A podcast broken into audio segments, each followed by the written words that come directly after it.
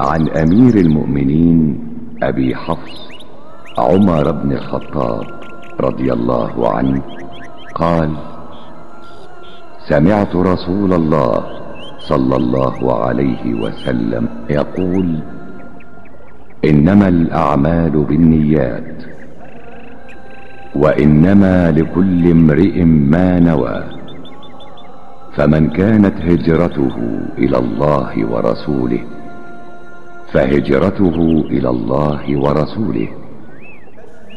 ومن كانت هجرته لدنيا يصيبها أو امرأة ينكحها فهجرته إلى ما هاجر إليه.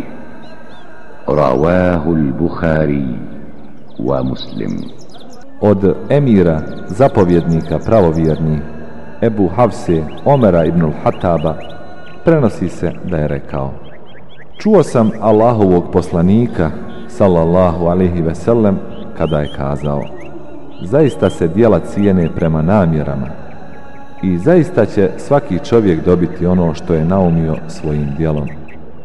Pa ko bude hidžu učinio u ime Allaha i njegova poslanika, njegova hidža je hidža Allahu i poslaniku. Ako bude hidžu učinio zbog materijalne dobiti ili zbog žene da bi se njome oženio, njegova hidža za ono što je naumio.